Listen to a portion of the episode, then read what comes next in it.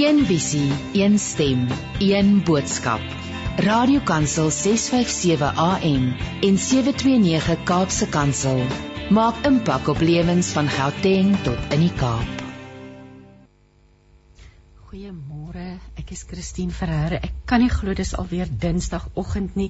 Ons is hier om saam te kuier op met hart en siel. Natuurlik hier op Radio Kansel 657 AM en Kaapse Kansel 729 AM. Nou Jenna Lee Belong het vir ons veilig gesing en so gepaste lied vir ons wat geloofsvryheid het want ek gaan vanoggend gesels met die uitvoerende direkteur van Geopende Deure Suid-Afrika, Lenet Leybag. En ons twee gaan gesels oor die wêreldwaarnemingslys wat verlede week bekend gestel is. Dis nou die lys vir 2022. Dit vertel vir ons oor die top 50 lande waar Christene wêreldwyd die meeste vervolg word en ons gaan ook gesels oor die wêreldwye toename um, dit wat onder is barend maar ook eintlik goeie nuus want dit beteken die kerk is aan die groei. So ons gaan daaroor gesels ook en daarna kom skrywer Marita Martens aan die beurt en die onderwerp van ons gesprek is die uitdagings wat vroue beleef en die antwoorde wat in die skrif opgesluit is. So bly gerus ingeskakel vir 'n interessante program hoop sielskos en inspirasie om jou jou te lei op jou pad van geloof. Jy's natuurlik welkom om saam te gesels. Stuur gerus vir ons 'n WhatsApp boodskap 082 657 2729. Die WhatsApp lyn is hier oop voor my op die skerm, so gesels gerus saam met ons vanoggend. Ek wil afskop voordat ons met Lenet gesels oor Uh, ja, ek wil vir ons voorlees uit uh, uit Korintiërs en Korintiërs 12 vanaf vers 12 wat sê 'n mens kan Christus vergelyk met 'n menslike liggaam. Daar is net een liggaam, maar die een liggaam het baie dele. Al is daar hoeveel dele, dit bly maar net een liggaam. Met die doop het die Gees ons almal aan mekaar vasgebind soos 'n liggaam. Dit maak nie saak wie ons is of waarvandaan ons kom of hoe belangrik mense dink ons is nie. Dieselfde Gees werk in ons almal. En dan um, spring ek na vers 26, 'n baie belangrike skrifgedeelte veral in terme van die vervolgde kerk. En dit lees: As een deel van die liggaam seer kry, voel die hele liggaam die pyn. En as een deel van die liggaam geprys word, voel die hele liggaam bly. Maar nou het ons vir Lenet op die lyn. Môre Lenet? Goeiemôre Christine. Ag so lekker om met jou te gesels vir oggend. Ek vertrou dat dit met jou goed gaan en dat alles wel is daar by julle by geopende deure. Ja, baie dankie Christine, ook goed om weer met jou te gesels. Lenet, ons verlede week het julle die wêreld, verlede Woensdag het julle die wêreldwaarnemingslys vir 2022 reg oor die wêreld bekend gestel. Nou die lys bestaan al meer as 30 jaar. Kan jy vir ons vertel wat hierdie lys behels asseblief? Ja, so geopende deure se wêreldwaarnemingslys is ons jaarlikse opname van toestande rakende die godsdienstvryheid van Christene reg oor die wêreld. En die metodes wat ons gebruik word altyd onafhanklik geverifieer om seker te maak dat dit al reg en waar is. Ehm um, sodat ons ook die hele proses daar agter deursigtig kan maak. So die agtergrond van hierdie lys is dat ons die wêreldwye vervolging van Christene al sedert die 1970s ehm um, doen. Maar hierdie gedetailleerde data word het ons eers ehm um, binneshuis gebruik om ons eie ehm um, aksies te rig met ons veldwerk wat ons doen. Ehm um, en toe het ons besef dat dit regtig waardevol waardevolle inligting is. Ehm um, en ons het toe begin om die inligting ehm um, bekend te maak en te gebruik. En ehm um, wat belangrik is vir die luisteraars om te weet is wat is die definisie van vervolging? Want daar is geen wetlike of internasionale definisie nie maar ehm um, dit kan verskillend gedefinieer word. So vir ons ja, is dit breë definisie. Ja, oh, skus tog. Ja, nee, Ja, die breë definisie Lenet. is enige vyandigheid wat as gevolg van iemand se identifikasie met Christus ervaar word. So dit sluit 'n dit sluit vyandige houdings, woorde en aksies teen Christene in. En dit is wat ons deur hierdie lys wil wys voor vind hierdie vervol- vervolging plaas. Dit die bekendstelling van die lys die vroeg in die jaar is natuurlik 'n rooi letterdag vir geopende deure want dit is amper 'n opsomming van die jaar wat was en dis natuurlik 'n vertrekpunt vir die jaar wat kom. Dit gaan bepaal hoe jy dinge gaan aanpak. So dit is regtig amper 'n soort van 'n dit is dis 'n stuk kern, 'n kernstuk inligting in julle werk nie waar nie. Ja, dis baie waar. En um, Ja. ons doel is regtig om dit te gebruik om die vervolgde kerk te, te tot hulp te wees. Kom ons praat 'n bietjie. Daar word veldwerk gedoen in meer as 70 lande. Die International Institute for Religious Freedom is betrokke. Vertel ons 'n bietjie meer, hoe gaan julle op die grond te werk om hierdie navorsing te doen? Waar kom die inligting alles oral vandaan? Goed. So ook wat belangrik is om te besef is dat daar twee vernaamste maniere is van vervolging. So ons noem dit die squeeze, die druk wat Christene op alle gebiede van die lewe ervaar en die smash, so waar geweld betrokke is. So smash kan gemeet en nagespoor word deur die rapportering van konkrete voorvalle terwyl squeeze gedokumenteer word deur te onderskei hoe Christene se lewens en getuienis onder verskriklike druk geplaas word. En dit word gedoen op vyf spe spesifieke gebiede van hul lewens. Um, dit is privaat lewens, familie, gemeenskap, nasionale en kerklewe van Christene. So wat gebeur in die veld is elke jaar word die 'n vraelys deurgewerk om te sien of dit nog die regte vrae is om te vra en dan word dit deur navorsers in ingevul in die lande wat vervolging ervaar. Hierdie vraelyste word dan noukeurig nagegaan met behulp van die insette van eksterne kundiges. En ons het 'n puntestelsel. So punte word bereken vir elk van die lewensgebiede met inagneming neming van veranderlike faktore. So vervolging kan byvoorbeeld erger wees in sekere kategorieë van Christendom of in sekere dele van 'n land as ander.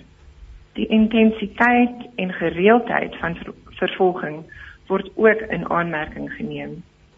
En dan word dit gebruik en volgens hierdie puntetelling word daar 'n finale puntetelling opgestel vir elke land en dit word gebruik om die lande wat 'n telling van 41 punte of meer behaal het se volgorde op die jaarlikse lys te bepaal. Hierdie lande word nou gelys en die inligting word dan bekendgestel aan die wêreld. Maar die vervolgde kerk bestaan uit mans, vrouens en kinders, mense op die grond. Ons gaan nou nog praat oor daai smash en die squeeze en die, en die vlakke van vervolging, maar watter effek eh, boonbehalwe vir julle, maar watter e- watter effek het dit op hierdie mense se lewens dat daar wel so 'n lys bestaan? So dit gaan oor ons um in die vrye wêreld se reaksie. Um so ons oorspronklik het ons hierdie navorsing soos ek genoem het um, spesifiek vir die veldwerk um besluite ge gebruik, maar die groter um rede daarom is dat daar ons besef dat 'n bewustheid van die realiteite van vervolgde Christene baie laag is of nie bestaan in die wye publiek nie. En deur bewustheid te skep, te skep kan ons regtig mense betrokke kry. Ons wil gebed inspireer en gelowiges uitnooi om betrokke te raak. En dit is deur daai aksie ehm um, wat die vervolgde kerk dan ehm um, ook gehelp word. So al die aksies as mense bid, as hulle bewus is van wat aangaan, as hulle betrokke raak deur vrywilligers te wees in hulle geloofsgemeenskappe, lei daartoe dat ons 'n stem word vir die vervolgde kerk in ons lande. En dan deur daai te doen, ehm um, help ons die vervolgde kerk om te bly staan in hulle geloof ten spyte van die groot koste wat dit van hulle verg.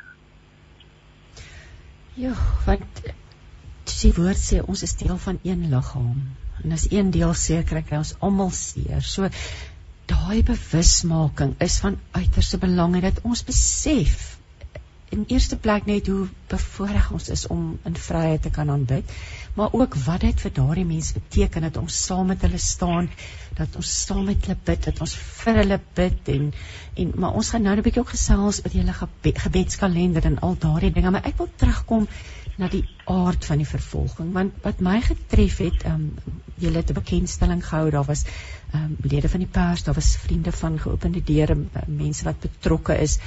Wat my getref het was hoe verwyder dit eintlik van ons werklikheid is. Hoe swaar hmm. hierdie mense regtig kry.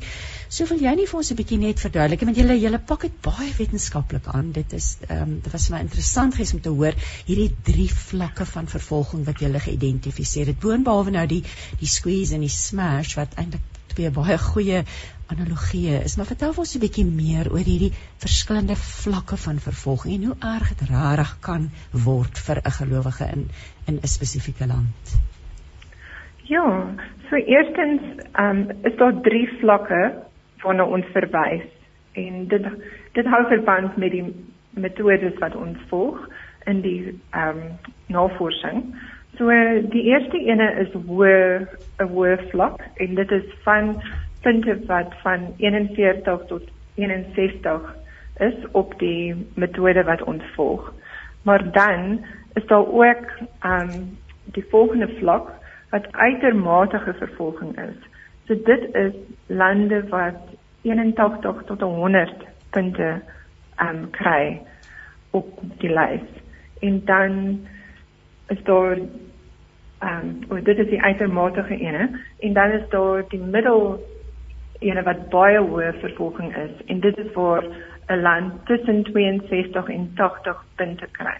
So vorige jare tot ehm um, voor ehm um, 2021 was daar altyd drie kleure op ons lys gewees. Dit was altyd die rooi, die oranje en die geel.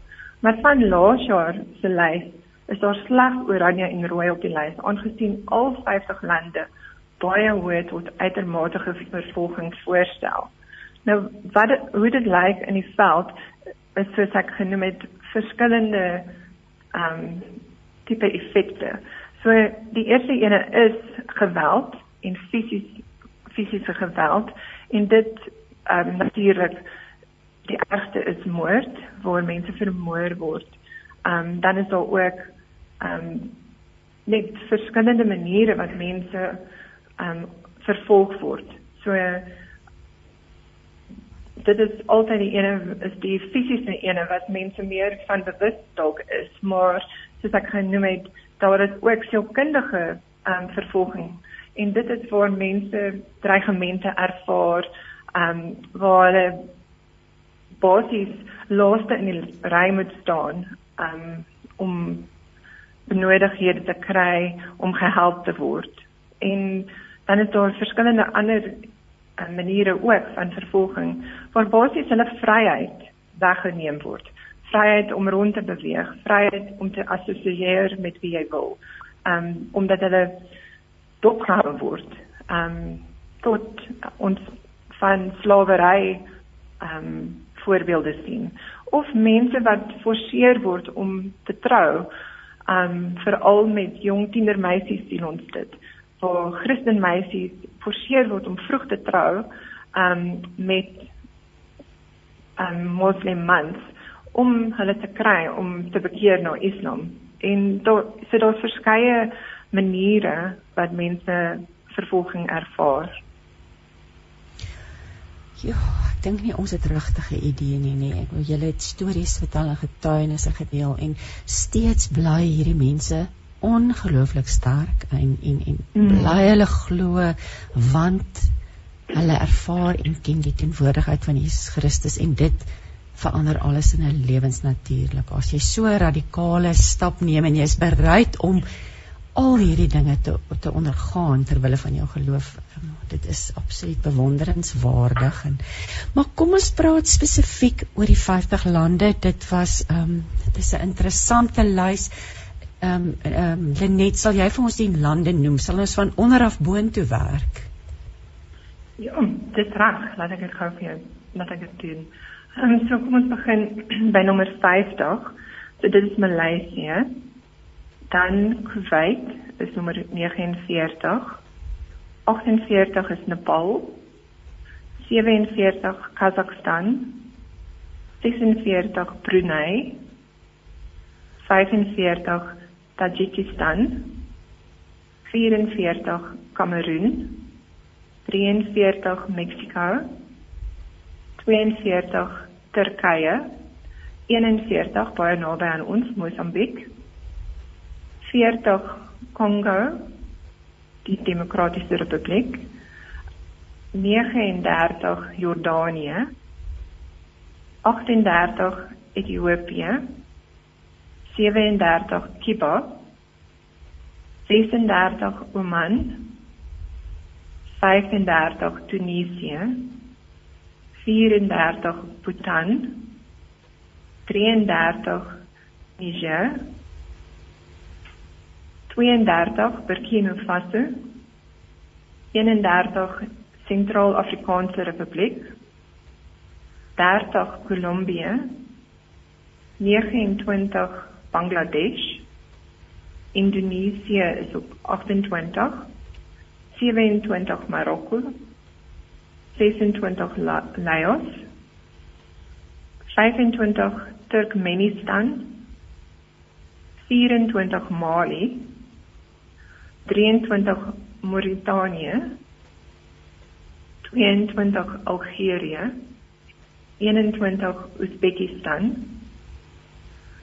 20 Egipte 19 Vietnam 18 Qatar 17 China 16 Maldives 15 Syrië Irak is 14, Sudan 13 en nommer 12 is Myanmar. En al die lande wat ek nou genoem het is Oranje, so daar's baie hoër hoë vervolging. En dan ehm um, nommer 11 Saudi-Arabië is daar al uitermate vervolging. Nommer 10 dan as ons na die top 10 kyk is Indië. Nommer 9 is Iran. 8 Pakistan, 7 Nigerië, 6 Eritrea, 5 Jemen, 4 Libië, nommer 3 is Somalië en nommer 2 is Noord-Korea wat al vir 20 jaar nommer 1 was en hierdie jaar na nommer 2 gegaan het. En dan nommer 1 vir die eerste keer is Afghanistan in die vervolgde land.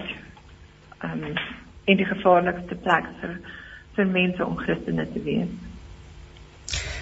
Ons weet natuurlik wat die rede daarvoor is, die oorneem van die Taliban, die onttrekking van die FSA. So dit het 'n effek gehad op die gelowiges. So ja, vertel ons 'n bietjie hoe lyk dinge op grondvlak want dit dit ek wil dit is absoluut 98 uit 100 punte is die vlak van vervolging. Ek het die kaartjie voor my en um, ek is seker hierdie kaart is ook op julle webwerf beskikbaar nie waar nie. Ja, dis reg. Ja, dis reg. Ja, so, as mense 'n um, bietjie wil gaan kyk, Dis baie interessant uh, die uh, groot dele van die Afrika kontinent, veral noordelike Afrika lê in die oranje en die rooi, maar die oranje is alreeds baie hoë vervolging. Maar kom ons gaan terug na Afghanistan toe. Um, hoe lyk dinge op grondvlak in hierdie land vir gelowiges, vir Christene? Ja, dis 'n somber prentjie. Ehm um, die verslag wys ons wat dit beteken om vir Afghanistan se klein en ondergrondse Christelike bevolking. So daar word Christenmans ehm um, ja, hulle staar feitelik verseker dood in die gesig as hulle geloof ontdek word. Vroue en kinders kan dalk die dood vryspring, maar hulle word gedwing om met jong Taliban vegters te trou wat op soek is na oorlogsbyt. So vroue en meisies word verkrag en daarna deur mensehandel verkoop. Die inkomende Taliban regering het toegang gekry tot opnames en verslae wat hulle gehelp het om Christene te identifiseer wat dikwels aangehou word om Christelike netwerke um uit te vind waar hulle is en dan dood te maak. En dan Taliban vegters doen alles in hul vermoë om Christene deur hul huidige intelligensiestelsels op te spoor. Hulle gaan self van deur tot deur om hulle te vind. Die grootste deel van die Christelike bevolking het na landelike gebiede of vlugtelingkampe in buurlande gevlug. Maar dan weer eens almal wat rondom Afghanistan lê, word ook aangedui as lande wat vyandig teenoor Christene is. So dit is 'n baie moeilike situasie um, vir Christene in Afghanistan. Ja, maar kan Lenet kan jy jouself die vlak van vrees indink wat daardie mense mm. onderleef, nê? Nee? Om te dink Ja. Jy kan enige dag jou lewe verloor. So ons moet regtig intree en, en dit was my interessant. Jy het verskeie sprekers gehad en die een persoon het gesê bid saam met hulle, moenie vir hulle bid nie. Bid dat hulle die teenwoordigheid van die Here Jesus Christus absoluut tasbaar sal aan ervaar hmm. want mens kan nie bid dat hulle nie in die tronk gestop gaan word dat hulle nie gaan sterf nie want dit gebeur maar ons kan bid dat die Here met hulle sal wees so ek dink nie ons het enige idee nie Verder het julle vir ons gesê een uit elke 7 Christene in die wêreld word vandag vervolg. Dit is skokkende getalle. Dit beteken 360 miljoen Christene word reg oor die wêreld vervolg. Vervolg. Ehm um, julle het ook gesê dit het gegroei, maar dat ja. ons kan ons nou daaruit aflei kerk het gegroei of of het, of het net die teenstand, wat is die situasie? Wat is die prentjie? Dit kan daarop dui dat die kerk groei in van hierdie lande, maar dit is grootliks te wyte van aan die omstandighede wat swakker word as gevolg van die toename in ernstige vervolging en diskriminasie. So Christene word toenemend aan al meer swaar kry blootgestel. So dit is op sosiale gebied, is op politieke gebied, dit is eintlik omvat hulle hele lewe as as hulle in 'n land is waar hulle as Christene nie welkom is nie, kan mens maar sê, nê. Kom ja. ons praat 'n bietjie meer in detail oor die onderskeie situasies in die top 10 lande. Ehm um, jy het onder meer genoem in Korea ook onmiddellik. Jy word onmiddellik ehm um, ehm um, ter dood veroordeel as jy gelowig is of na 'n strafkamp 'n uh, uh, uh, mm. Neighborkamp soos hulle dit noem gestuur. Kom ons gesels 'n bietjie want daar's die lande het daar's tog verskillende situasies in verskillende lande. Kom, kan jy dalk vir ons bietjie uitlig oor hierdie situasies in die top 10 lande asseblief? Ja. Ehm um, ons kan weer oor Afghanistan gesels. Soos ek reeds genoem het, dit is die eerste keer wat hy nommer 1 is op ons lys. Ehm um, want dit is onmoontlik om in Afghanistan openlik as 'n Christen te leef. En dit word as 'n skande beskou om Islam te verlaat. So Christenbekeerling is daar ernstige gevolge in die gesig as hulle nuwe geloof ontdek word. En ehm um, die Taliban maak seker dat alle islamitiese reëls en gebruike geïmplementeer en nagekom word. So Christenbekeerling het geen ander opsie as om dit te gehoorsaam nie. En indien hulle geloof ontdek word, moet hulle hul familie of stam hulle eerder red um deur die gelowige te verwerp of self dood te maak. Um dit is iets wat ons net nie kan verstaan in ons um kultuur en uitkyk op die lewe nie. Dit word wyd gesien as geregtigheid as as hulle deur hulle familie doodgemaak word aangesien dit as 'n teken van waansinnigheid beskou word om Islam te verlaat, word Christenbekeerlinge vanaf Islam alternatiefelik gedwing om in 'n psigiatriese hospitaal opgeneem te word. So die situasie het verlede jaar hoof opskrifte aan wêreldwyd gehaal. Um, die Taliban op die 15 Augustus die hoofstad Kabul ingeneem het en reg oor die land beheer geneem het die risiko van ontdekking het sedertdien toegeneem. En ja, as ons dan van Noord-Korea gesels, So um, Noord-Korea, die skatting is dat daar omtrent 400 000 Christene is. Um uit 'n bevolking van amper 26 miljoen. Maar Noord-Korea is al meer as 20 jaar bo aan of naby aan die boonste posisie op ons lys. Enige Noord-Koreaan wat gevang word dat hy Jesus volg, is in onmiddellike gevaar vir tronkstraf, marteling of die dood. So daar is 'n groot hoeveelheid mense in die berugte tronke en arbeidskampe waar hulle gevange gehou word.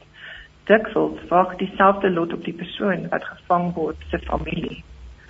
So die regering daar wat deur die Kim familie beheer word, beskou Christene as die gevaarlikste politieke groepering van mense.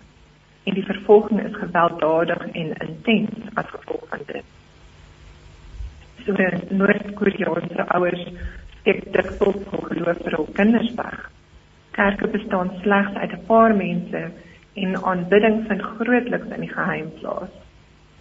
Hulle leef in 'n konstante drukke tel. Slegs een fout kan tot gevangenskap of die dood lei. Ondanks die feit dat Noord-Korea nou in die tweede plek op die lys is, het die vlakke van vervolging in die land van jaar rekordhoogtes bereik. Daar is daar is nuwe teenreaksionêre wetgewing ingestel en dit het gelei tot 'n stygings in die aantal Christene wat gearresteer is.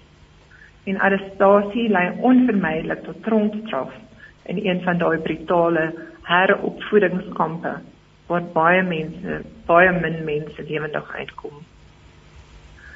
Dan op die Afrika kontinent Somalië waar Die skatting is dat daar slegs honderde Christene is uit 'n bevolking van omtrent 16,5 miljoen. Ehm um, weet ons dat Somalië al vir meer as 25 jaar 'n veilige hawe vir islamitiese militante is. En hulle teiken en Christene in beide Somalië en die buurlande. So dit is vir die groepe soos Al-Shabaab 'n min teenkanting in ervaar en in beheer van groot dele van Somalië. Die klein aantal gelowiges in Somalië is meestal Christene wat vanaf Islam bekeer is. Hulle word geteken en word as 'n hoë waarde gesien. Hulle ook ervaar hulle intense druk van hulle familie. Vir enige bekering vanaf Islam word as verraad teenoor hul familie en die gemeenskap gesien selfs die geringste vermoede van bekering kan tot duistering, intimidasie en selfmoord lei. Geen plek is veilig vir 'n Christen in Somalië.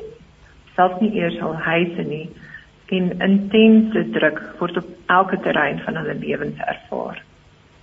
Ondanks hierdie jaar 'n geringe afname in gewelddadige aanvalle teen Christene, vind uiterste vervolging steeds in Somalië plaas. So te midde van die voortsleepende COVID-19 krisis het Al-Shabaab in 2021 voortgegaan om aktief te wees. En dit is 'n herinnering dat die lewe nooit veilig is vir Christene in Somalië nie. Nommer 4 is Libië. So Libië was ook laas jaar nommer 4 op die lys gewees. En die skatting is dat daar omtrent 34.000 Christene is So dit is net 0.5% van die bevolking. Wanneer 'n persoon in Libië Islam verlaat om Jesus te volg, ervaar hulle intense druk van hul families om hulle geloof te verloon. Hul bure en die res van die gemeenskap verwerp hulle en hulle mag haweloos, werkloos en alleen opeindig. 'n Libiese Christen wat sy geloof met iemand anders sal deel, sal waarskynlik gerapporteer word in hegtenis geneem word en moontlik gewelddadige straf in die gesig staar. Die land het geen sentrale regering nie, wat beteken dat die wette nie eenvormig afgedwing word nie. Dit plaas Christene in gevaar vir openlike en publieke vervolging. Getuigende ontvoerings en teregstellings kan hulle enige tyd tref. Om as 'n Christen veilig te wees in Libië, moet jy 'n geheime lewe lei.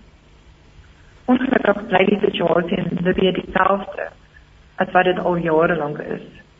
So grootliks weens daai gebrek aan 'n sentrale regeringsowerheid om die siklus van gewapende konflik in die land te verbreek. Dit is 'n baie moeilike area om in te lewe. Net ek ek is nou nuuskierig. Julle het tog kontak met hierdie mense, julle organisasie want dit is geopende deure is 'n wêreldwye organisasie.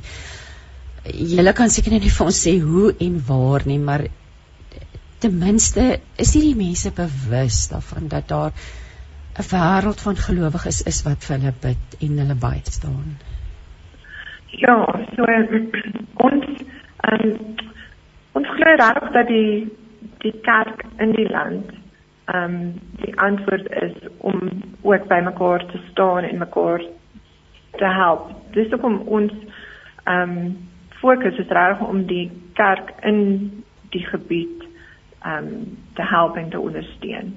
En Um, ons doen dit in verskeie lande waar ons um, byvoorbeeld 'n teenwoordigheids um, ministry het waar ons mense kan gaan besoek um, om hulle te om hulle te herinner dat daar mense is wat van hulle weet en wat vir hulle bid. Maar ja, dit baie van ons veldwerk um, gebeur ook ondergronds. So ons praat nie gereeld daaroor nie nie uit die aard van die saak want dit is net so gevaarlik vir die mense wat daar die veldwerk doen as wat dit is vir die mense wat hulle help. Ek ek kom ons beweeg na Mosambiek. Dis dit it's getting close to home. ek weet ons weet almal van die probleme in die noorde van Mosambiek. So dit het ook het dit toegeneem het Mosambiek opgeskuif in die lys of is hy op dieselfde plek? Ja, nee, Mosambiek het opgeskuif en hy is op die oomblik op nommer 41. Ehm um, ja, dit is net die tendens ehm um, in Afrika ehm um, soos wat nou gebeur het met ehm um, Afghanistan dat ehm um, die konflik uitbrei en waar regerings voor 'n swakpunte is in regerings ehm um, en hoe hulle by mense kan uitkom, hoe hulle kan beskerm, ehm um, word dit uitgebuit deur hierdie groepe. So die noorde van Mosambiek is ehm um, wat ons sal sê 'n hotspot ehm um, op die oomblik. En jy hou dit natuurlik ook fyn dop omdat julle seker van die naaste kantore aan Mosambiek is en en dit jy weet so dit is seker ja, redelik uh, sterk op julle radar. Ja, kom ons seker. praat 'n bietjie dan dis vir interessant hoe die lande dan afloop. Maldives, dit het ek ook interessant gevind. Was hulle altyd rondom die nommer 16 posisie? Ehm um, ja, so Maldives is ook ehm, 'n um, area wat ons nou dophou um, in terme van wat daar gebeur en um, as die luisteraars meer wil weet oor 'n spesifieke land, kan hulle gerus op ons webwerf gaan kyk um, want daar is details oor elkeen van die top 50 op die webwerf. Terwyl ons nou oor die webwerf gesels, Lenet, wil jy nie sommer net vir ons die webwerf um, gee, die detail daarvan gee nie asseblief? Ja, um, dit is opendoors.org.za. En dan as mense deurgaan na opendoors.org.za, kan hulle op die Afrikaanse ehm um, op die Afrikaanse knoppie druk en dan is alles in Afrikaans. So dan al die inligting is dan beskikbaar. Ek wil gesels oor julle slagspreuk. Ehm um, vervolg of een van julle slagspreuke ek ek vertrou daar's meer as een. Vervolg maar nooit alleen nie. So kom ons praat bietjie hieroor en dan die werk wat julle doen aan die hand van hierdie slagspreuk. Ja, so ons fokus baie daarop in ons verskillende veldtogte dat vervolgde Christene moet weet dat hulle ondanks hulle vervolging nie alleen is nie en dat hulle 'n geloofsfamilie het wat by hulle staan deur gebed, die lewering van Bybels en Christelike literatuur, noodlening aan slagoffers van vervolging en um, dan ook disipelskap opleiding en bystand aan vroue en die jeug. So ons doen dit op verskillende maniere. Ehm um, ons doen dit deur ehm um, godsdienstige opleiding sodat hulle geloof kan versterk, besoeke aan die vervolgde Christene, die verkondiging en bevordering van bewustheid wat ons weer eens hier in ons land wil doen en dan om voorspraak te maak vir hulle op verskillende vlakke. Ehm um, so ons broers en susters moet weet dat hulle nooit alleen is nie en dat hul familie in geloof hulle bystaan en ondersteun. Net soos jy vanoggend gelees het uit Korintiërs. Ons is een familie en ons wil verseker ehm um, maak seker maak dat hulle dit weet.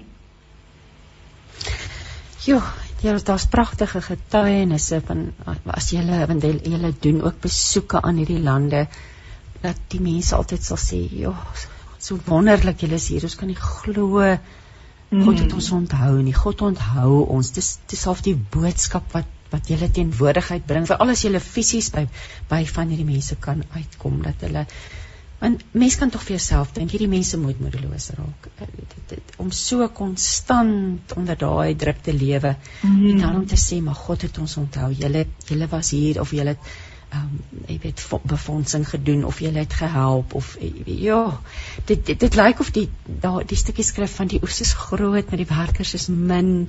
Ook van toepassing ja. is op dit wat jy doen nê Ja dis baie waar dis baie waar ja. Kom ons praat oor ehm um, die geskenke van hoop kalender ek het nou 'n geskenke van hoop kalender hier in my hand dit is eh, 'n uh, baie oulike konsep, maar ek dink Lenet, jy kan vir ons die beste vertel van wat jy hierdeur wil bereik en hoe dit wat dit behels. Ja, dis reg. Ehm um, so die 2022 geskenke van Hoop Kalender is regtig 'n manier vir mense om 'n impak te maak op die lewens van ons vervolgde familie deur aan hulle die ondersteuning en bystand te gee wat hulle desperaat nodig het vir ondersteuners kan dit doen deur 'n broodnodige geskenk van hoop. Um deur dinge soos opleiding, trauma sorg, wetlike bystand, um noodsaaklike ondersteuning aan kinders, vroue en ander mense in plekke van vervolging reg oor die wêreld te gee. So elke geskenk gee hoop en dit herinner ons vervolgde familie dat hulle ondanks hulle moeilike om, omstandighede nie alleen is nie weer eens. En hoe dit werk is dat ons mense weer eens net na ons webwerf kan gaan. Hulle kan 'n geskenk daar kies en dan dit gee, ehm um, dit te koop. Ehm um, en dan word die geld gebruik spesifiek vir daai area van ons werk. Dis baie oulik saamgestel. Dis 'n staan kalendertjie wat op jou lesenaar kan staan en ehm um, dan is dit gee dit vir al die riglyne en dan maak jy ook 'n baie oulike voorstel. Jy sê dink jy nog oor wat om vir 'n vriend of 'n geliefde te gee vir hulle mm. verjaarsdag, herdenking of spesiale geleentheid, wat gee jy vir die persoon wat reeds alles het? waarom maak jy nie verskil met jou spesiale geleentheid nie? So 'n mens kan ook sê uh, vir jou vriende sê kom drink tee, ek verjaar op so en so 'n dag, maar in plaas van 'n geskenk, maak 'n skenking, gee geskenk aan hoop. En uh, dit begin ek sien dis nou weer by Januarie so minstens R295 ehm um, wat 'n groot verskil maak. Dit daar's ook R160 se die keer in Februarie. So dit dit dit hoef nie noodwendig daar duisende te wees nie, maar dit skep ook eintlik 'n bewustheid dat as hierdie kalendertjie op jou lesenaar staan, herinner dit jou natuurlik ook om vir hierdie mense te bid. Ja, verseker. Ehm um, ja, en ons het verskeidenheid geskenke um, saamgestel sodat mense verskillende opsies het. Um, en ja, dit werk goed saam met ons gebedskalender um, wat ons uitgee al vir elke kwartaal um, wat mense ook daagliks herinner om te bid. Maar hier is 'n baie oulike manier om mense ook bekend te stel aan die werk van geopende deure. Net ons het nou aan die einde van ons tydjie saamgekom. Ek wil jou net vra om asseblief vir ons die kontakdetail. Ehm um, moet mense maar via die webwerf werk? Ehm um, is al die detail daar, die e-posadresse of as hulle met julle wil kontak maak, kan ons dit net herhaal asseblief? Ja. Ja, asseblief ons sal graag van die luisteraars hoor.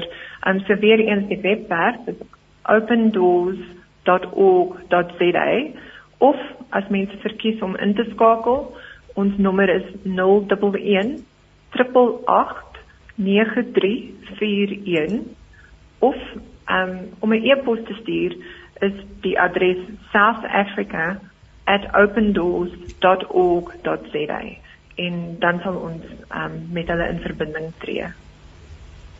Ek kan dit net weer herhaal terwyl van ons luisteraars, so jy kan 'n e-pos stuur na southafrica@opendoors.co.za. Jy kan op die webwerf meer gaan lees oor hierdie wêreldwaarnemingslys by opendoors.org.za.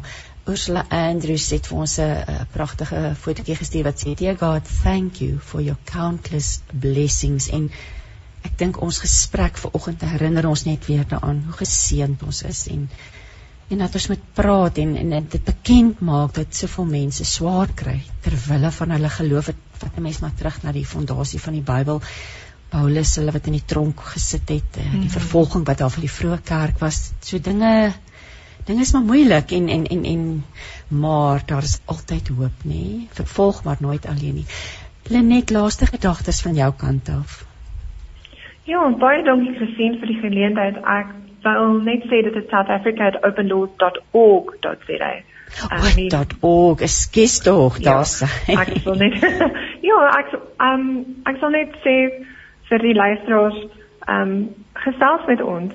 Um, laat ons weet dat hulle as hulle bid vir die vervolgde kerk, um, dat ons daarvan weet. Um, daar's baie geleenthede nog vir mense om betrokke te raak of um, as verteenwoordigers in hulle kerke of as om ja, ons uit te nooi om te kom praat oor die vervolgde kerk um, in julle gemeenskappe.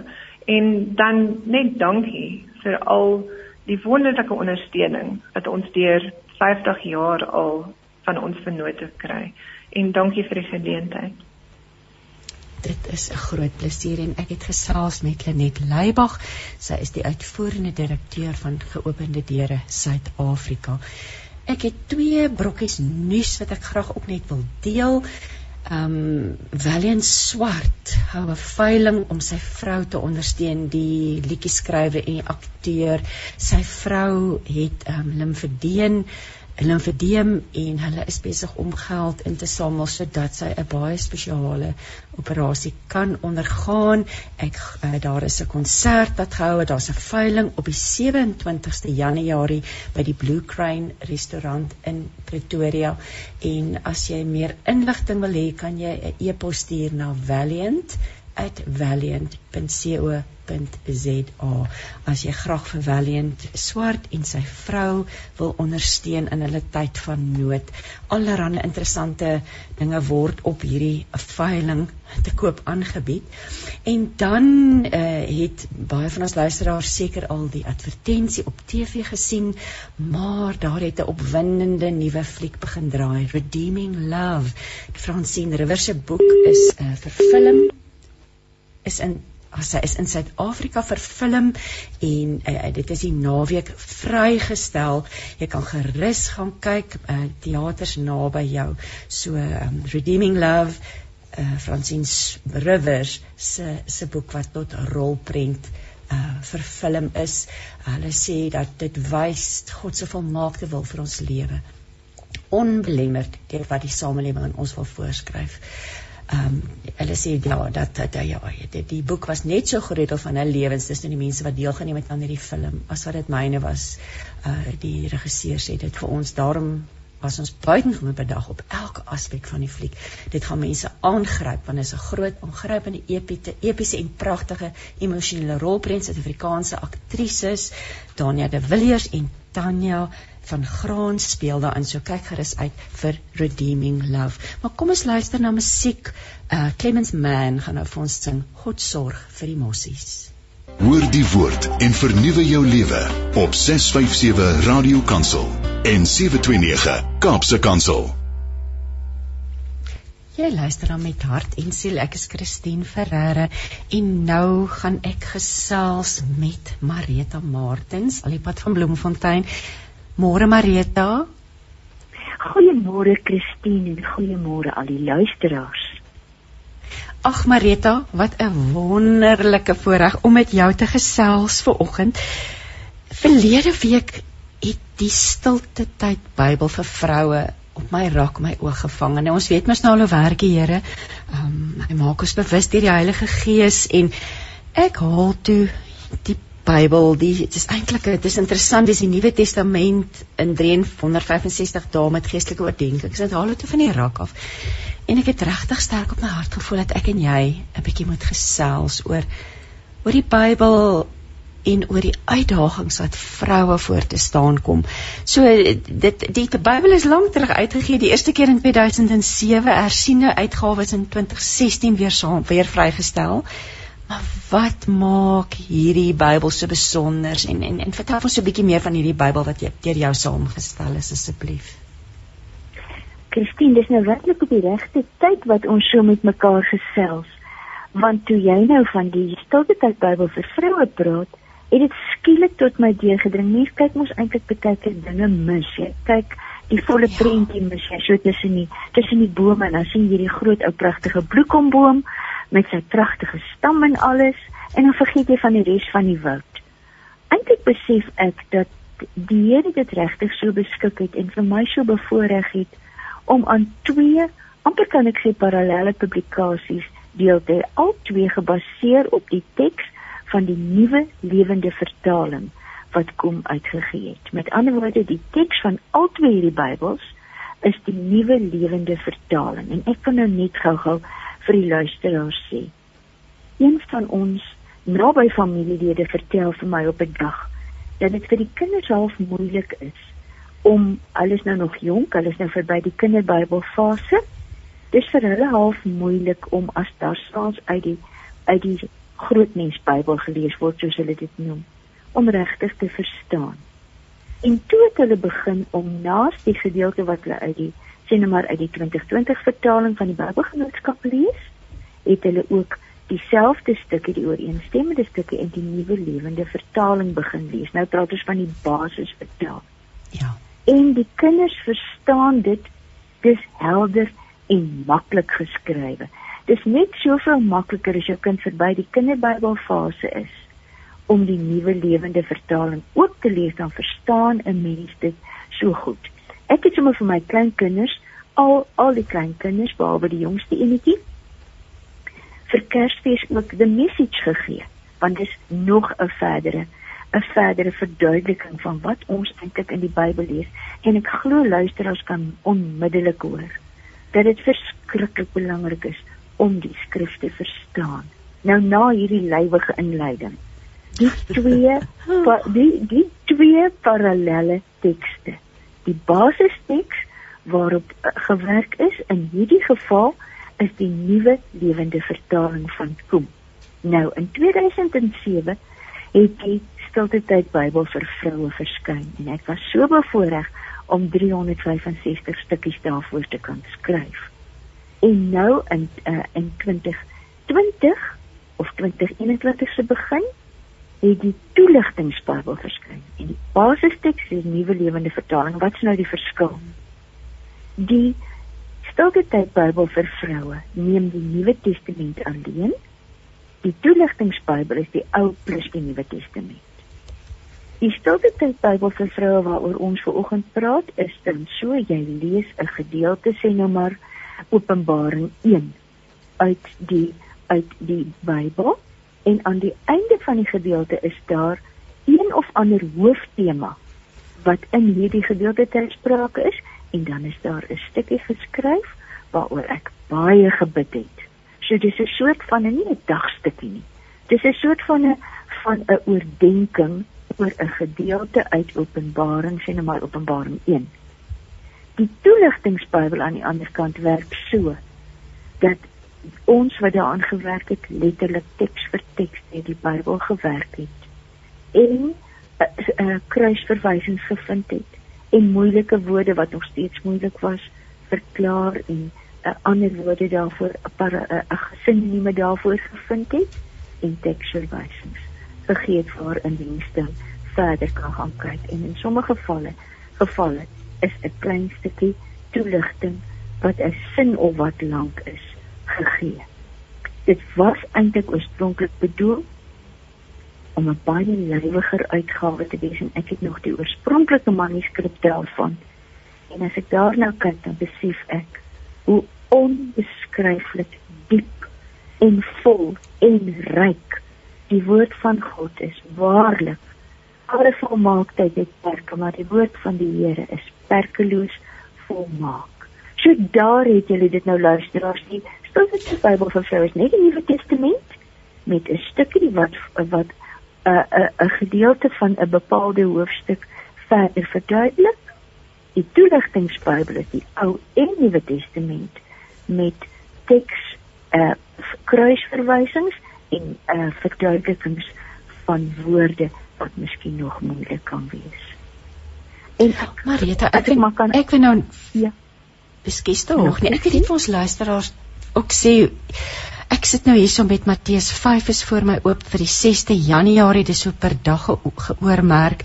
En die die dis is dis dis nie 'n dagstukkie nie. Dis 'n lieflike oordeenking hier praat jy oor on, jou jy medemens en jy lei regtig vir die leser diep diep in die woord in Marita. Ek dink mense kan vir jou besig hou vir jare en jare en jare met hierdie Bybel en alles wat hierin vervat is. En ja, dit is ek so kosbare herontdekking. Weet mense het verskeie Bybels op 'n mens se rak, maar partykeer wys die Here lei om ons na iets spesifiek toe.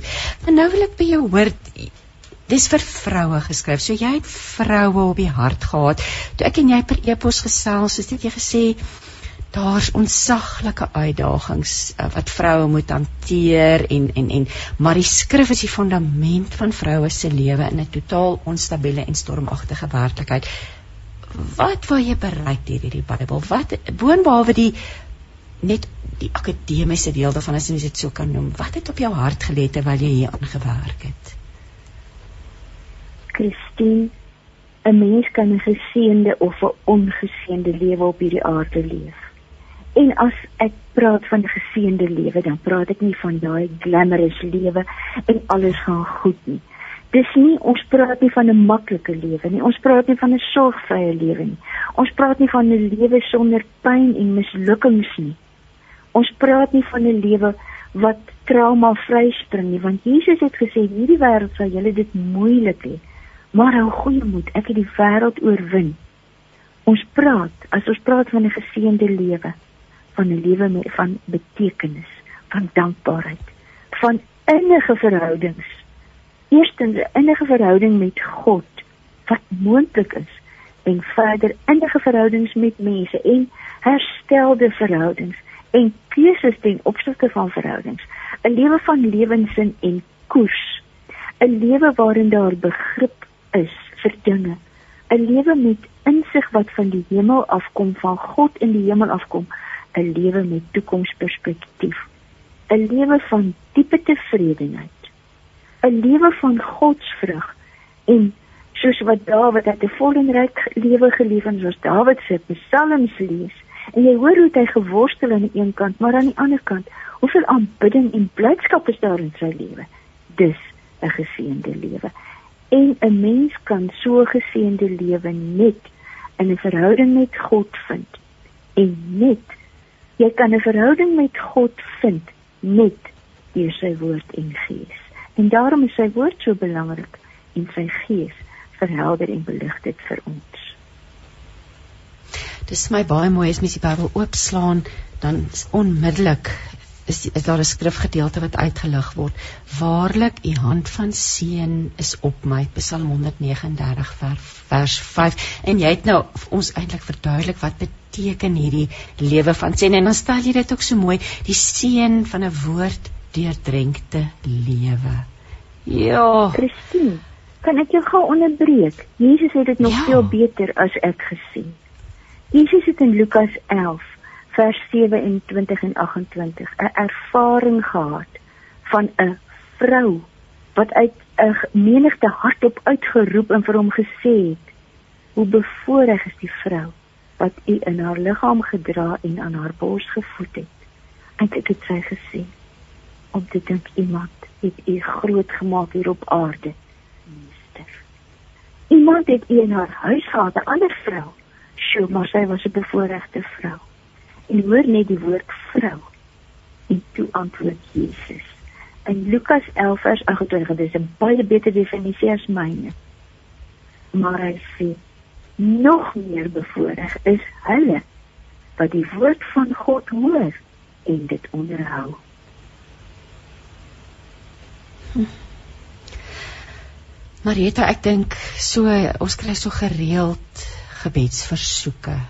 Baie vroue, ek kry gereeld bid vir my man, bid vir my kind, bid vir ons omstandighede, bid so gereeld en voel vir my vanoggend jy antwoord hierdie mense. Daar is eintlik net een antwoord, nê? Terug na die woord. Naby aan God. Ja. Dit en is baie belangrik. Ek hou van wat jy gesê. Dit gaan nie oor hoeveel ons het in die bank nie. Dit gaan nie oor hoe lyk dit waar ons bly of wat ek aantrek. Dit, dit gaan glad nie daaroor nie. Die lewe van betekenis, 'n lewe van seën tot om 'n seën vir ander te wees, nê? Nee. Kan ek gou-gou iets vertel? Ek hoop nie ek het dit al met jou vir jou vertel nie, Christine, want ek vertel dit so dikwels vir ander mense. En ek gaan dit maak glad nie saak nie, Marita. Ons luister graag. En ek, en ek gaan dit vertel en die oom se naam noem. Toe ons in Oos-London was, my man was predikant in die NG Gemoedergemeente Oos-London en ons het in die Greenweg pastorie gebly. Was daar 'n woonbuurt waarvan die naam Stony Drift is. En eintlik is dit maar Klipdrift, maar dis nie die Brandewyn Klipdrift nie. Dit is Klipdrift Stony Drift. En in Stony Drift het 'n oom Lange gebly. Dis sy van oom Lange en ons van daarvan oom Lange se familie ver oggend luister. Luister goed, want oom oom Lange was 'n mens wat presies geweet het hoe om te leef. Ons het dit pas op 'n Sondagmiddag na hom gegaan. En dan het ons by 'n panelite tafel in sy kombuis gesit en ek en oom Lange het nog die uh, ou uh, Bybelstudies van Bybelkor het hy nog bestel en die kursusse vir as ons Sondagmiddag by oom Lange sit Bybel oopgemaak en die agterdeur was oop en het sy hoendertjies in sy groentetuintjie daar buite sien loop. En dan het oom Lange gestraal van liefde vir die woord, van woorddeurdrinktheid, van blydskap in Christus. So helder asof dit nie asof dit is want ons het 'n heilige gesien. Iemand wat weer trek, weer trek was in week was met die woord en dus met die heiligheid, die ewigheid, die beloftes, die tekskap, die krag van God. Dit het ons in lange wat in daai tyd so in die 80 jaar oud was, dit in 70 het ons gesien. En dit is 'n geseënde mens.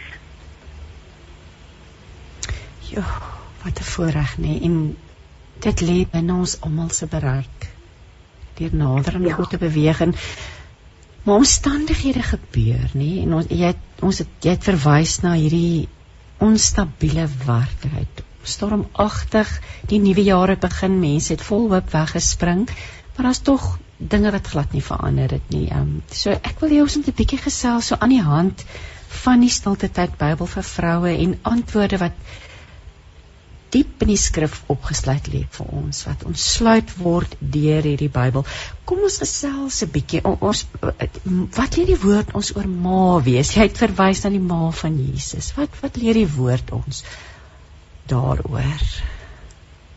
Weet jy, uh, Christine, ehm um, ek gaan net terugkeer na die Ou Testament met een teksverwysing en dan gaan ons na dan gaan ons na eh, 'n uh, nuwe testamentiese gedeelte. Ehm um, dit kom dit kom uit uit 1 Timoteus. Die Ou Testamentiese gedeelte wat vir alle mense geld, maar spesifiek nou vir maas. Is Spreuke 3 vers 6. Kyk maar, anders gaan jy doen. Dit is as Martin. Marieta, ekskuus mag ek jou onderbreek? Jy breek so 'n bietjie op. Ek weet nie of jy wil skuif. Jy's op jou selfoon, nê? Nee. Ja. So 'n bietjie beweeg. Dat ons net hoor of dit 'n bietjie beter klink. Nou 'n bietjie beter. Ja, dit klink vir my beter. Kom ons praat ja, uh, gaan maar net voort en dan toets ons hom. Ja. Die woord leer ons maar en die woord leer vir ons as maas in Spreuke 3 vers 6. En hom in alles wat jy doen en hy sal jou die regte pad laat loop. Uh as ek dink aan die uitdagings wat vroue vandag het en wat maas vandag het in hierdie digitale era, dan is dit eerstens dat die werklikheid vir ons kinders so grootliks digitaal geword het. Dis nie dat hulle gedwing word daartoe dit is dat dit vir hulle so lekker is om min of meer gedurig deur op selfone, ja. op tablette voor die rekenaar te wees en hulle is beslis nie besig om daar Bybelstudie te doen of uh, altyd deur mense geestelik opgebou uh, en en gelei te word nie. Hulle is besig om te kommunikeer en hulle sien en beleef die wêreld wat in die digitale era op baie vlakke ook in ons huise inkom. En een van die dinge wat ook met die pandemie en met digitaliteit en met uh die nuwe soort programme wat skole het en wat die sportwêreld het en wat die wêreld het. Een van die grootste uitdagings ooit wat 'n ma as opvoeder uh, tref is die feit dat kinders se aandag afgelei word. Soos Paulus sê, ek is bekommerd eh, dit dit ontstel my, dit kwel my. Ek is bekommerd oor julle soos 'n bruidegom oor sy bruid. Dat julle aandag afgelei sal word van Christus en dis wat aan die gang is. Die digitale era is 'n era met elke moontlike afleiding. Ag ons hoef nie eers daarop in te gaan nie. Ja. Digitale era is 'n era waarin die sportwêreld Sondag gebruik vir enige sportsoort. En wie jou as jy nie Sondag beskikbaar is nie. Die pandemie en die digitale era het iets in die kerk gedoen wat vir ons, as ek sê kerk, praat ons eers van die kerk van Jesus Christus met sy gemeente. Wat die gemeentelike lewe nie meer 'n baie groot opsie maak vir ouers, ja. vir kinders, vir die gemeenskap. Dit het aanvanklik vir my en hierdie byvoorbeeld verskriklik vreemd gevoel om in die tyd van besondere hoë vlakke van inperking die radiodiens op 'n Sondagoggend te luister. Miskien hier en daar 'n televisiediens. En hoe langer dit geduur het, hoe makliker was dit. Jy gaan sit met jou koppie, jy gaan sit met jou koppie koffie uh, by die radio of voor die televisie. As jy nie van hierdie diens hou nie, skakel jy oor na iets anders. Ag nee, ons hou nou nie van die nie. Ons skakel oor na iets anders. Daarna bespreek ons die diens 'n bietjie en dan is die dag maar net soos wat dit is. Ons het geen medegelowige gesien nie. Ons het geen medegelowige se trane gesien nie. Ons het nie aan 'n medegelowige se skouer geraak nie. Ons het nie eenkant saam met 'n medegelowige gegaan en apart met hom of haar saam gaan bid nie. Ons het nie die geloofsbelijdenis saam met medegelowiges gedoen nie. Ons het nie geluister na die begeleiding hoe goed of hoe swak dit ook al in die gemeente was en die Here saam met medegelowiges gesing totdat ons uit ons hart gesing het nie. En as ek nou kyk na die mense wat terugkeer na die gemeentes is dit nie jong mense oor die algemeen in skare nie. In sommige gemeentes is daar jong mense wat terugkeer. En baie gemeentes is op 'n naam nie meer skare van jong mense en dit is die uitdaging.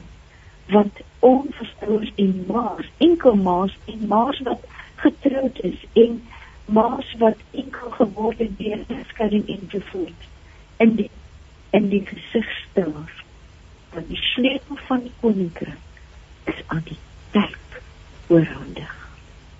Nie sommer so lekker so random soos hulle sê hier aan gelowige en daar aan die gelowige hier is die sleutel van die koninkryk vir jou nie en hier is die sleutel van die koninkryk vir jou.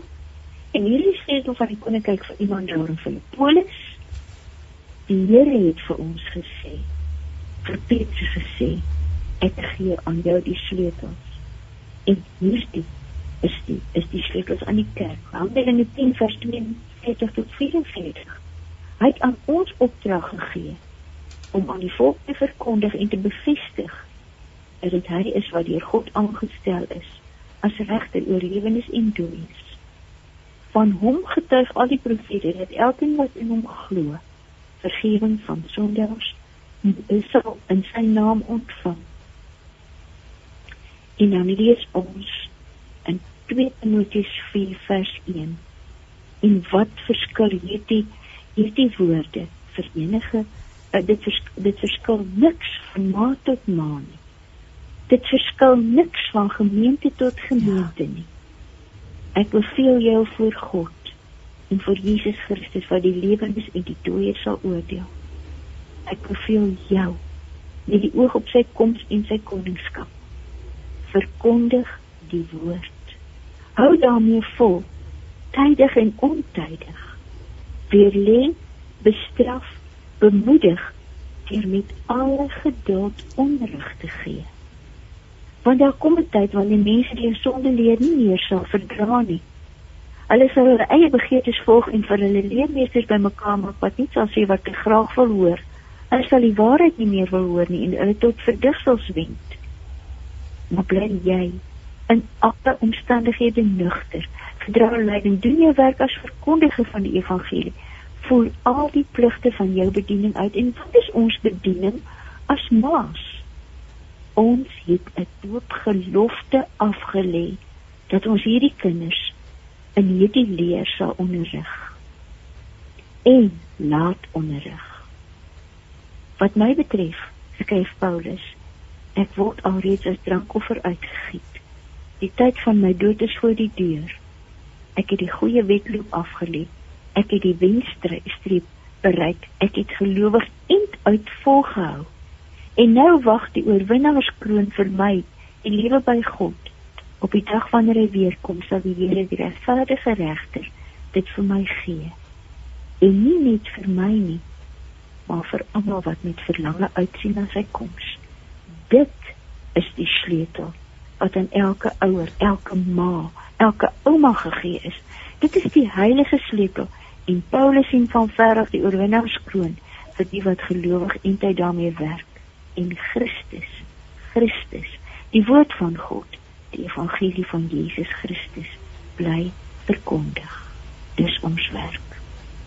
Ja Marita daar is 'n stukkie skrif dit eintlik alles saam nê elke antwoord ja. lê omtrent daarin opgesluit. Wil jy nie net vir ons net weer daai die die skrif gee nie asseblief?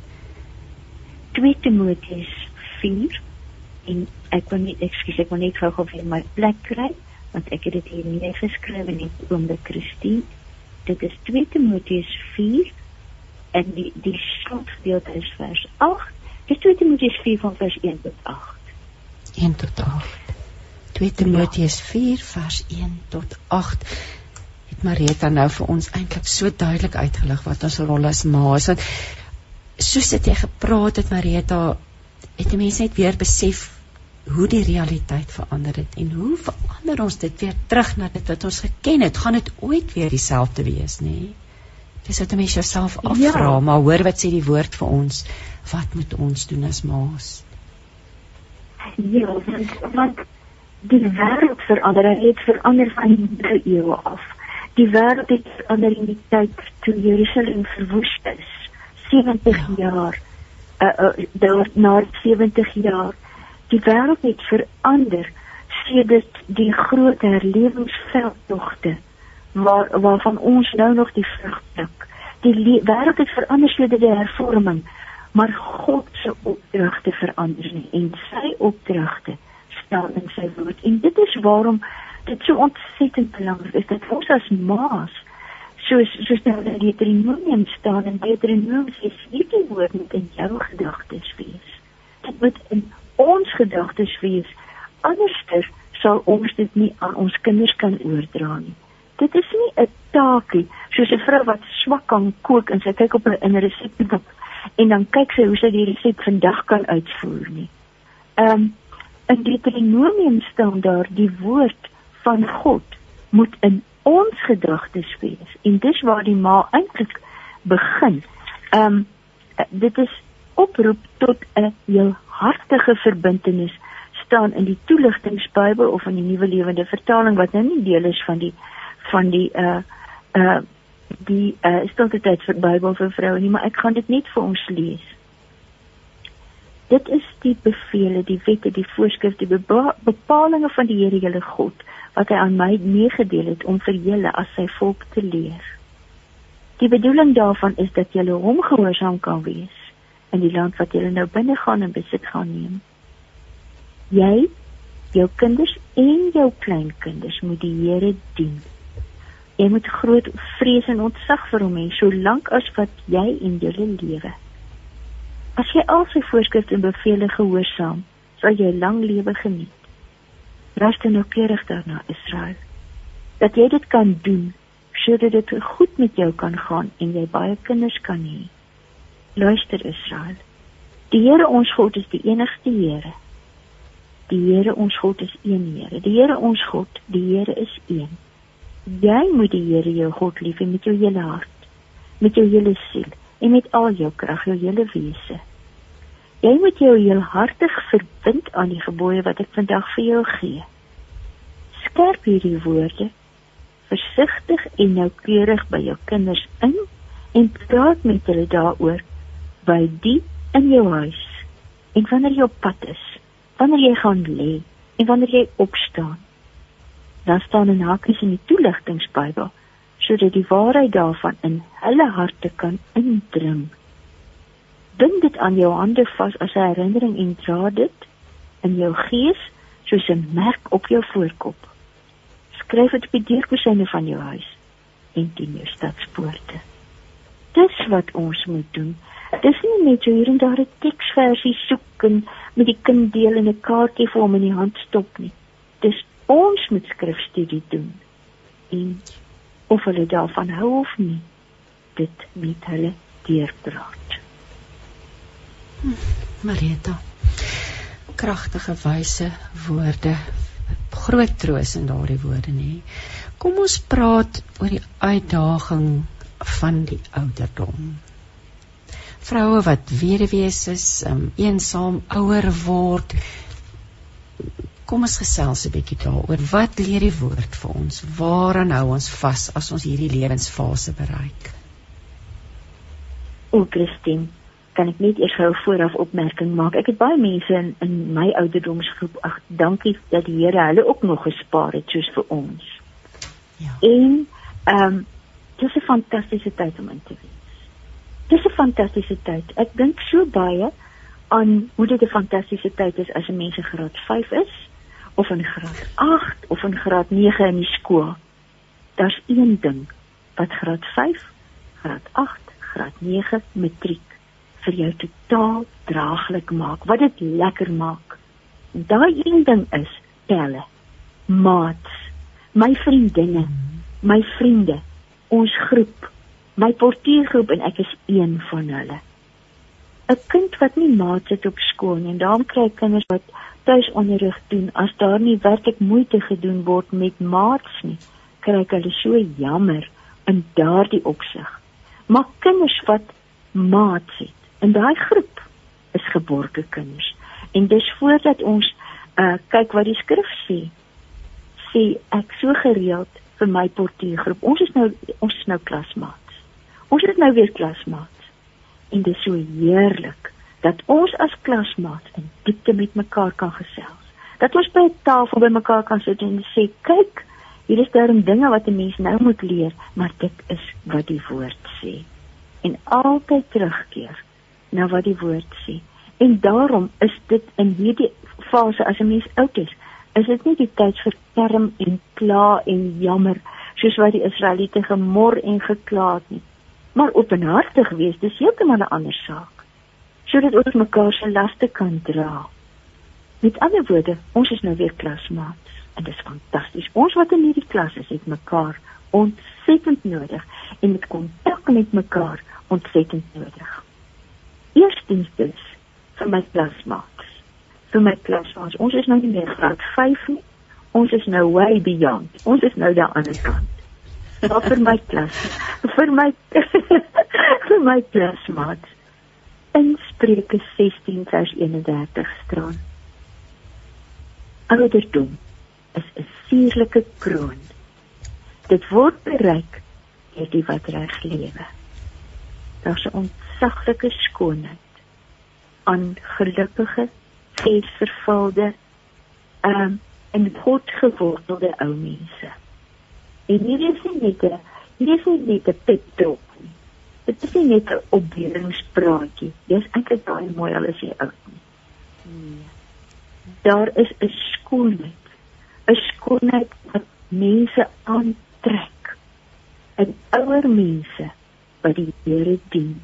Dit word bereik deur die wat reg lewe. En reg lewe is maar niks anders as verankerd in in God en in sy woord nie. Getroos deur God en sy woord. Verdiep, verryk, sterker gemaak, begenadig deur die woord van God. Dit is hulle wat hulle wysheid in die woord van God vind. Daardie soort ouderdom is 'n suurlike kroon. En dit is heerlik om mense te ken wat daardie suurlike kroon dra. Dit is 'n kroon nie van aansien en eer nie, is 'n kroon van skoonheid, van Christus gelykvormigheid wat 'n mens vind in die wat die Here dien. Dis 'n glans die heerlikheid wat van ons uitstraal neem steeds toe dit doen die Here wat die Gees is. Ouderdom is 'n suurlike kroon. Dit word bereik deur die wat reg lewe. En dan dit is eerstens die skoonheid daarvan. En tweedens ag daar so baie skrifgedeeltes daarvan. Maar hier is die versekering aan ouer dames en daar's eintlik baie meer ouer dames as ouer mans. Dit is nou soos wat dit in ons land gebeur. Maar ook aan aan ouer mans, maar aan almal wat weduwees is. Almal wat alleen is, almal wat alleen oud geword het. Almal wat nog in 'n gesinslewe is, Jesaja 46 of vers 4 af.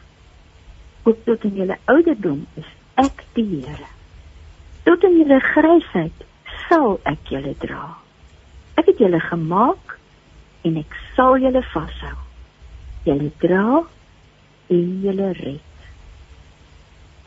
Vroue wat eensaam is, geskeie vroue, weduwees, in Jeremia 15 vers 21 staan ook as daar as dit sleg met jou gegaan het.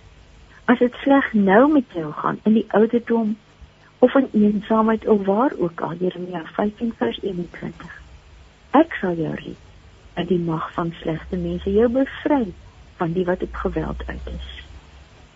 Die Here sê vir ons hy weet baie spesifiek in watter kategorie ons val en hy is daar vir jou. As God vir ons is wie kan teen ons wees? En wie kan ons van die liefde van God skei? Daar word so baie dinge genoem: verdrukking, benoudheid, honger, gevaar, naaktheid of swaard. Maar ouderdom kan ons ook nie uit die liefde van eh, van die liefde van God losmaak. Hm. Ja, Marita, ek die woord wysheid en in die rol van elke elke ouderdomsgroep eintlik. Ons het vroeër gepraat met die ge, ge, ge, oor die vervolgde kerk en die liggaam van Christus. Maar dieselfde geld ook vir hierdie ouderdomsfases want ons maak 'n bydrae tot mekaar se lewens. En en en en ouer hierdie vir ouer vroue wat hierdie pragtige kroon van wysheid en skoonheid dra, kan soveel inspraak lewer in die lewens van jonger vrouens. Want jonger vrouens sit met net soveel uitdagings, ander uitdagings hier. Wat het jy vir hulle vanoggend te sê? Wat is jou boodskap aan jong vroue? Vrouens wat hulle lewe begin, jong volwassenes, jong vrouens wat begin werk, um, die lewe wat wat dalk hoop om 'n kindjie te hê en nie kan nie. Daar jong vroue het ook uitdagings nie waar nie. O ja, jong vroue het ontsaglike uitdagings. Ehm um, en ons het 'n rukkie gelede uh, in ons Bybelstudies in ons groepies uh, en ek wil dit net ter inleiding gee dat mense kan kan verstaan waarom ek hierdie volgende woorde sê begin by God.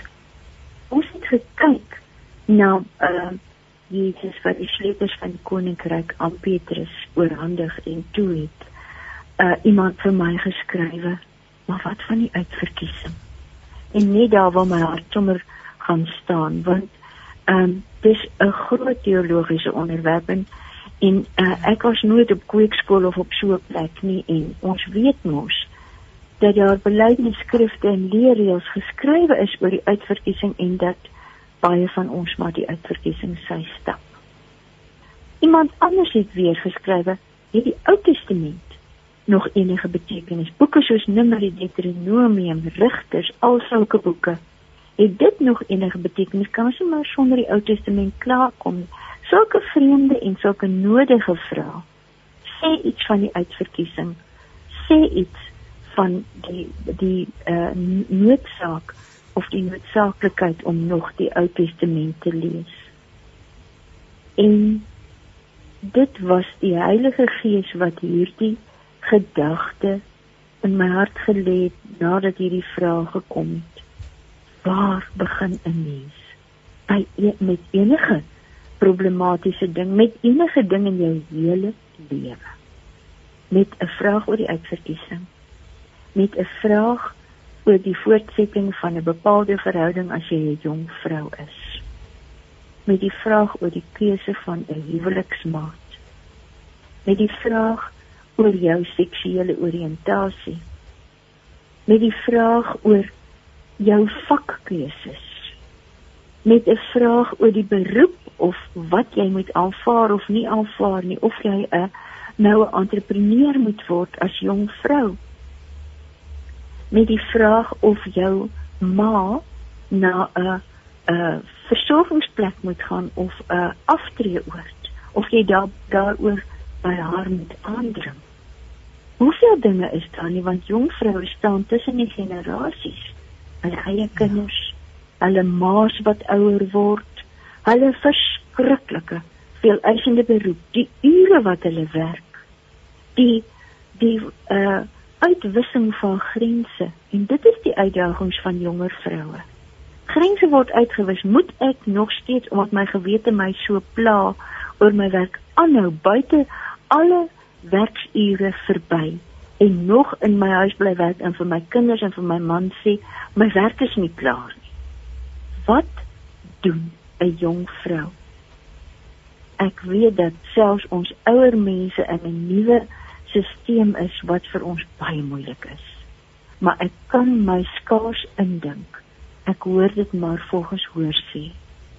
As as jong mense met ons praat, oor hoe groot die eise is, die grense wat verval het. Die wêreld wat aanspraak maak op ons kinders. Die die skermtyd wat ons kinders moet deurbring alles. Die uitverkiesing. Is daar of ons moet genoem dat daar tyd het om oor die uitverkiesing te dink? Ja, ons het ons is ons het nog so 20 minute oor om te gesels, Marita, so jy kan ja. lekker lekker inligting vir ons deel. Ja. Ja, maar dan wat dan? En die eenvoudige antwoord is: as jy jonk is, begin by God. En dit is maak 'n tyd om vir die Here te sê vandag is hierdie probleem of hierdie afgelope tyd is dit my toenemende probleem.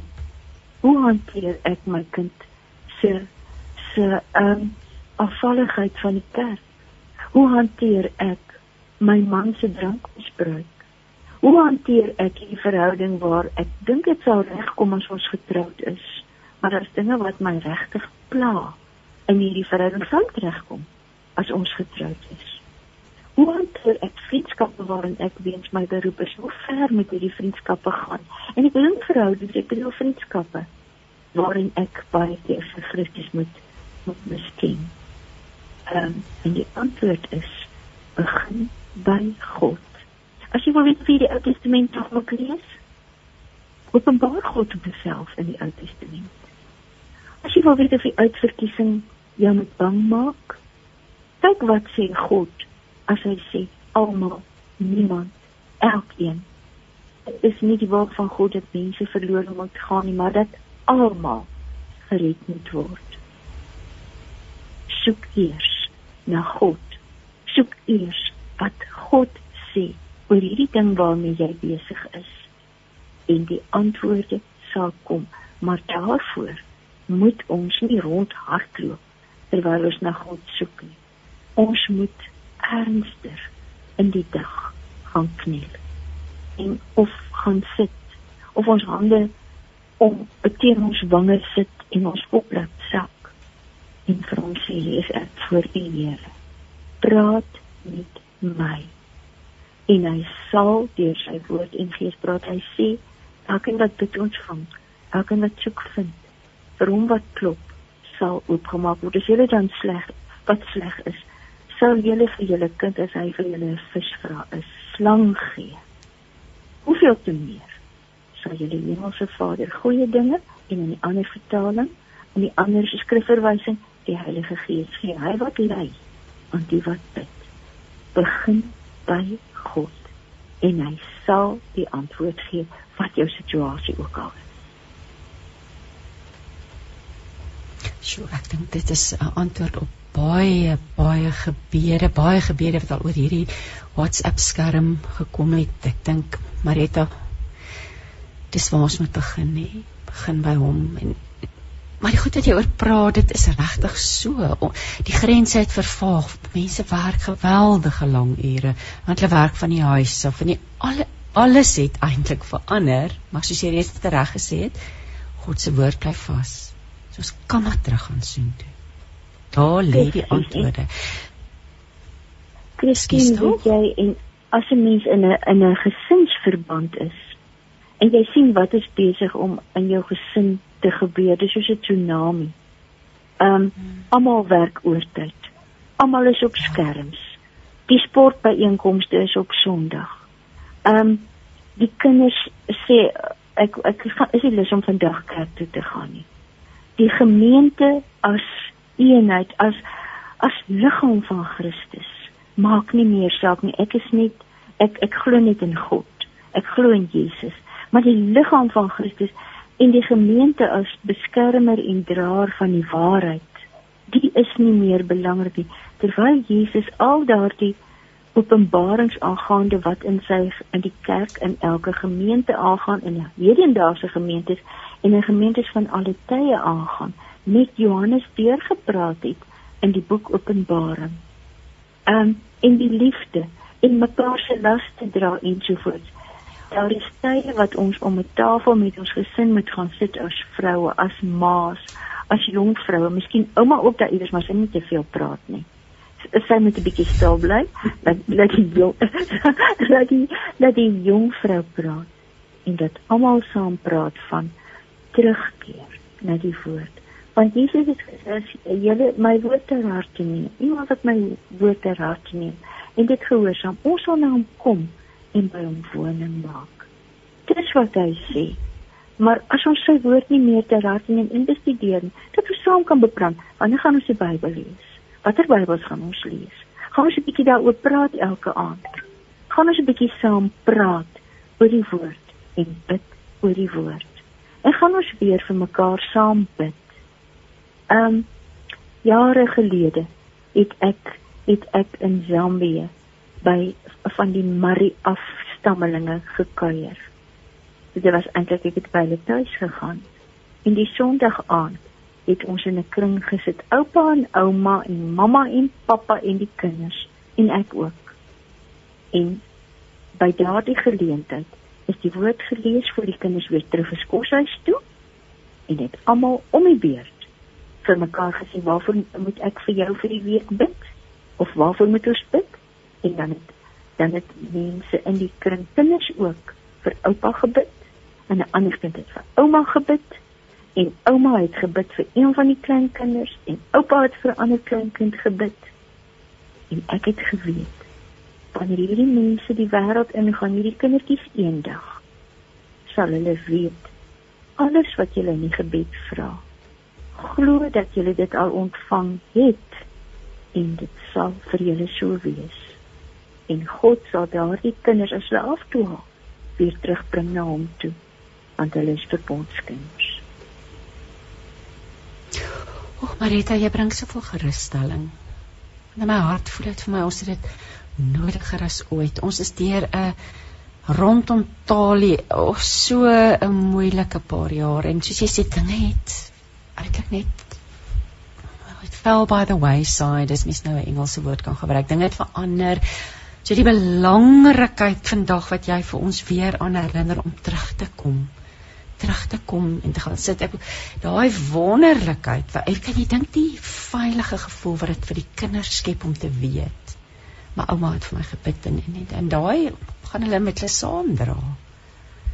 Absoluut. En Christine, ehm um, ek het nou die dag 'n WhatsApp videoetjie ontvang. Mense stuur dit mos so aan van 'n Chinese. Dit is 'n Chinese of Vietnamese pa wat met twee kindertjies op sy skoot sit. Nou die eenetjie, ehm um, die eenetjie moet seker so 2 jaar oud wees en die ander een hang en val nog so rond. En kwyl en en vat na alles, maar hy hou die ander eenetjie ook in sy arm vas die ma moes die video geneem het. En die pappa sing en die klein ou dogtertjie van 2 of 2 en 'n half sing saam. Jesus loves me, this I know. For the Bible tells me so. En hulle sing dit oor en oor en later sing die ou dogtertjie dit alleen. En die pappa hou haar styf vas en die ander een val rond en kwyl rond en wil speel en alles. En ek het vir my susters die videoetjie aangestuur en vir hulle gesê as die woord ook weer sang en musiek van iemand in die huis wat kindertjies van kleins af laat saam sing al is dit hoe vals of hoe ook al ingegrafieer is dan is dit deel van dit wat in Deuteronomium 6 staan verkondig die woord tydig en ontydig en dit was 'n baie lekker manier om die woord te verkondig. My eie pa het so 'n tafel harpie gehad en Sondag na kerk het hy op het hy op die stoep gaan sit op die sonstoep wat toe gebou was. Terwyl my ma gaan tee maak en ek het gewoonlik koek ook na na die oggendediens na ons van die kerk afgekom het. En dan my pa daar op sy hy het ons nie geroep nie. Hy het net gesê kom sit hier by my dat jy luister hoe ek sing nie. Ek net daar een kant gaan sit. Ons het gewag ons het nou nie weggeraak nie met daai koek is op pad. Ons het daar ons het gewag. En daar een kant as ek sê onopvallend maar dit was ingegrafieer in ons harte het my pa gesit en sing die ou haleluja liedere moet ek gaan met leë hande.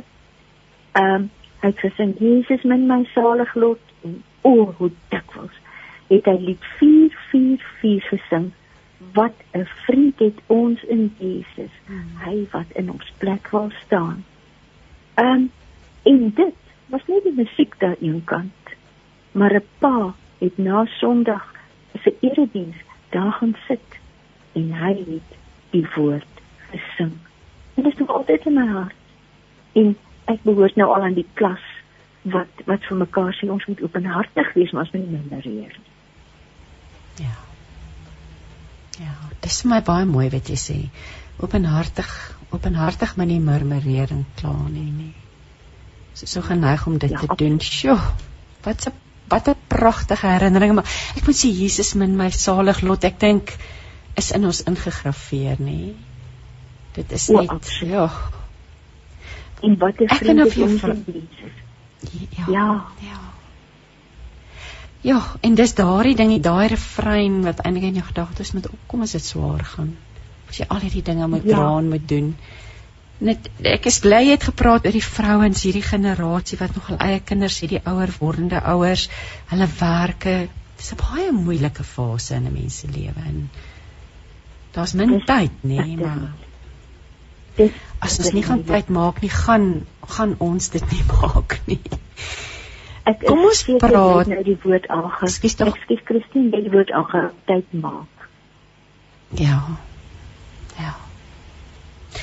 Kom ons praat ek het met jou verlede jaar gepraat kon ek al voor verlede jaar gewees het tyd vlieg so ons het gepraat oor van ongenooi na ingenooi. Ek wil met jou praat oor die uitgeworpenes, um, vroue wat mishandel word, uh fisies, emosioneel. Dit het so sterk na vore gekom in hierdie tyd wat mense in hulle huise afgesonder was.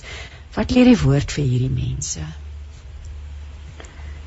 Dit bring al meer en meer tot my deur dat God 'n God van liefde is en dat hy vir ons in Efesiërs in sy woord sê mans julle moet julle vroue lief hê soos Christus sy gemeente liefgehad het en met ander woorde dat die persoon met wie om om mee te begin dat die persoon wat 'n mens kies as lewensmaat die persoon vir wie jy kies as lewensmaat dat dit absoluut noodsaaklik is dat 'n mens reeds voor die huwelik sal kyk of hierdie man ehm um, Christus beleef as iemand wat die gemeente liefhet. Ek bedoel die kerk liefhet.